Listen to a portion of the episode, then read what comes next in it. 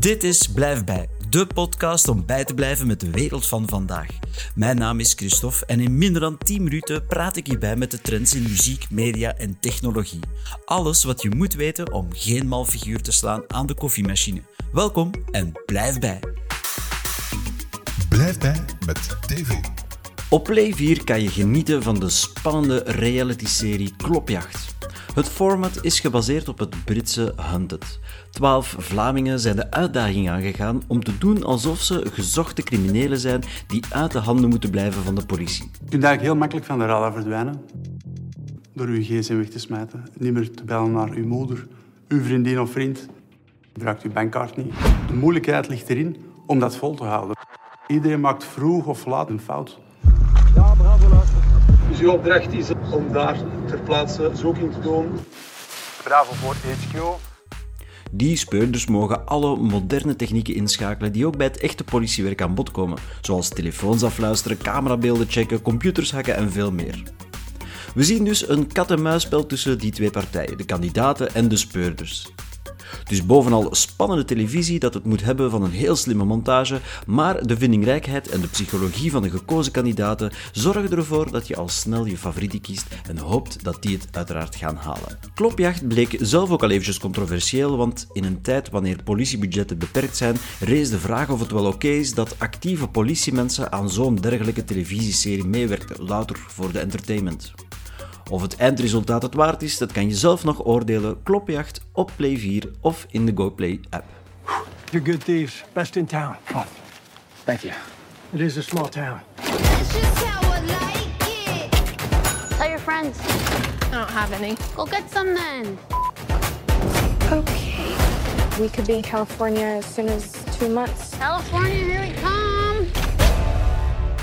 Op Disney Plus kan je sinds kort de eerste drie afleveringen van Reservation Dogs bekijken. In de serie ontmoeten we vier tieners uit Oklahoma die alle vier een Native American achtergrond delen. Hun vriend is gestorven en daar geven ze de samenleving in hun stadje de schuld van. Ze beslissen om samen een bende te vormen om genoeg geld bij elkaar te kunnen verzamelen om aan al die ellende te ontsnappen naar het exotische Californië. Kind of gang was both red and blue? Indian Mafia couldn't make up their minds if they want to be Bloods or Crips more. Maybe they're Blips. Or maybe they're Cruds. Hey.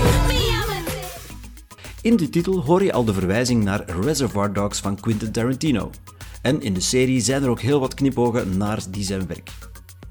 Deze serie gooit internationaal hoge ogen en zou wel eens de nieuwe grote hit kunnen worden. Het is een tienercomedie, maar eentje met pit en gevoel voor drama. De beeldtaal is fris en eigentijds en zeker niet zo afgelikt als dat je op Disney Plus misschien zou verwachten. Reservation Dogs, vanaf nu de eerste drie afleveringen te zien op Disney Plus. Blijf bij met literatuur. Op de dag dat deze podcast uitkomt is het eh, nog altijd herfstvakantie en dat betekende vroeger voor corona de hoogmis voor boekenfans in Antwerpen. Corona gooide uiteraard echter roet in het eten en de organisatie moest helaas de boeken sluiten. Uit de assen van de boekenbeurs in Antwerpen ontstonden niet één, maar twee nieuwe versies. En zo kon je in de herfstvakantie opnieuw naar Antwerpen bij Lees, het boekenfestival, of ook naar Kortrijk voor Boektopia. Lees in Antwerpen herwerkt het concept en kiest volgens de organisator voor een duidelijke indeling in acht overzichtelijke themazones, waaronder non-fictie, thrillers, kinderboeken en literatuur, in drie open hallen. En verder blijft het bekende recept overeind met handtekensessies, live radio en performances. Lees, de vernieuwde boekenbeurs dus, kan je nog in Antwerpen bezoeken tot en met 7 november. Blijf bij met technologie. Elke keer trouwe post om ons het technologienieuws te brengen is natuurlijk Robin. Robin, hello. We kunnen er deze keer niet omheen. Wat is Meta en de Metaverse? Hey Christophe, ja, een groot nieuws van Facebook. Ehm, ze gaan van naam veranderen naar Oké. eh, ja, toch wat imago-schade voor Facebook. Dat zal wel meespelen in de naamswijziging. Ja, maar wacht, een naamswijziging zeg je, we- we- eh, want er is natuurlijk een groot verschil tussen Facebook en Facebook. Eh, je hebt Facebook het moederbedrijf eh, eh, en je hebt Facebook het social platform waar, waar wij allemaal op zitten. Dus wat gaat er van naam veranderen juist? Wel, het, het bedrijf daarboven, een beetje zoals Google met Alphabet heeft gedaan. Dat is ook een soort moederbedrijf, waaronder dan Ja. een aantal merken zitten. En Facebook gaat als moederbedrijf dan Meta heten, of Meta, hoe dat je het op zijn Amerikaans wilt zeggen. Meta. En daaronder zitten een aantal merken. Hè. Zo onder andere Facebook, het blijft wel Facebook natuurlijk. eh, Instagram, WhatsApp en ehm, Oculus zit daar ook onder, de virtual reality brillen. Wat dat, wat dat bizar is, ik heb, ik heb nooit begrepen dat het moederbedrijf ook Facebook heet. Dat was, dat was heel verwarrend, denk ik, eh, eh, branding-wise voor iedereen. Waarom dat het moederbedrijf en een van de dochters dan eigenlijk, hè, of de dochtermerken ook Facebook was. Dus een slimme zet, maar het is niet zomaar natuurlijk. Het, is, eh, het, is, eh, het, het past in een breder kader, ehm, zeker wat de metaverse betreft. En wat is dat, Robin?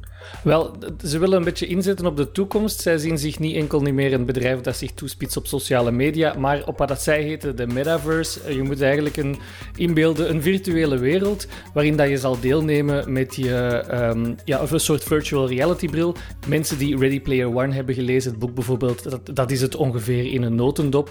Een virtuele wereld waarin dat we elkaar kunnen ontmoeten of waar dat we meetings kunnen houden met ons bedrijf, worden daar gerepresenteerd door een soort eh, avatar, hè, een afkooksel van hoe dat we onszelf zien virtueel. Een, een grotere stap van een grote speler toch richting een soort virtueel parallele wereld dan, waarin we dus een, een, een avatar van onszelf gaan moeten maken die zich dan in die wereld kan begeven en meetings doen, mensen ontmoeten. Klopt. Wel, de metaverse is niet alleen van Facebook. Ook bedrijven als Microsoft en Apple zijn ermee bezig, omdat ze eigenlijk allemaal denken dat dat de volgende stap is, dat we naar een soort parallele virtuele wereld gaan eh, evolueren. Ehm, maar het is, het, is allemaal mooi nu aangekondigd. Dat leidt ook een beetje de aandacht van eh, Facebook af, dat wat in eh, slechte papieren zit. Ja. Ehm, maar de videofilmpjes die ook getoond worden, waar dat mensen eigenlijk een ge- bij quasi gewone bril op hebben, ja, daar zijn we nog niet. Want als je nu de virtual reality brillen bekijkt, ja, dat is echt een dikke computer voor je ogen en dat er nog plakte. Ja. Dus het, de filmpjes zelf van de metaverse waren zeer futuristisch. Het lijkt me niet onmogelijk op termijn, maar we zijn daar nog eh, niet. Ja, een, een mooi toekomstbeeld, een beetje afleidingsmanoeuvre voor de, de heibel onderaan eh, Facebook ergens. Of Meta, Klopt. moeten we niet zeggen natuurlijk, Meta. Oké, what else in eh, technologieland? Ah, misschien een uitsmijtertje nog, Christophe. Ehm, Microsoft heeft haasje overgespeeld met Apple als nu het meest waardevolle bedrijf. Doe eens een gokje, hoeveel zou dat zijn, het meest waardevolle bedrijf? Ik heb geen idee.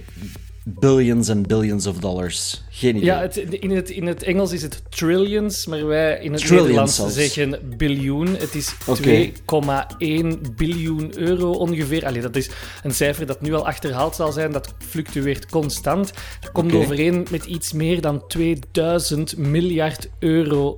Dus dat is de waarde van het bedrijf Microsoft op dit Een, moment. een, een geschatte waarde van Microsoft, dat is, eh, dat is Ja. gigantisch. Dat is gewoon niet, niet te omvatten, hè. die techreuzen, hoe, hoe gigantisch dat die zijn. Nee, maar die, springen dus, eh, die springen dus vaak haasje over, hoor ik je zeggen. Het, het scheelt altijd tussen Microsoft en Apple, die dan de wedrace eh, om, om het hoogst gewaardeerde bedrijf aan het voeren Ja. zijn. En dan horen we in Amerika eh, de Senaat al zeggen natuurlijk om ze aan banden te leggen. Hè, die technologiebedrijven, want ze worden zo groot, zo machtig.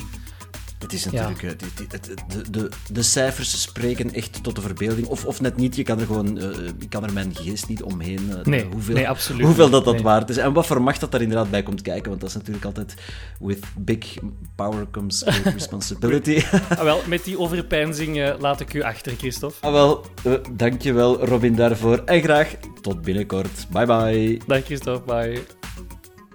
Blijf bij met muziek. De Amerikaanse wereldband The War on Drugs die scoren nog steeds heel hoog met hun I Don't Live Here Anymore featuring Lucius.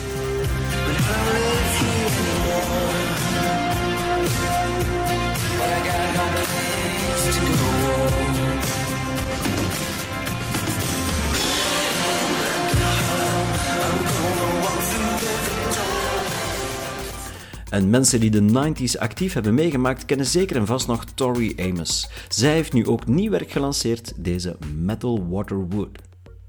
Metal water wood.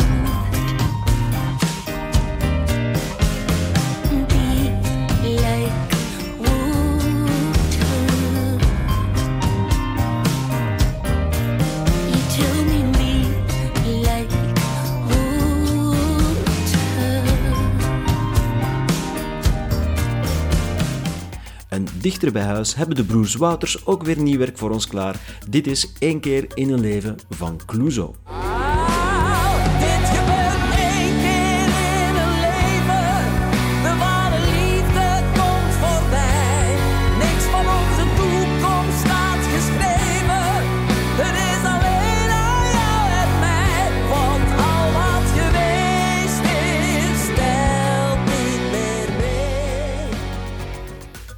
Franse nachtegaal Zaas, die moeiteloos chanson, Latin en jazz weet te combineren, heeft een nieuw album uit, waarvan ze deze nieuwe single Imagine op de wereld heeft losgelaten.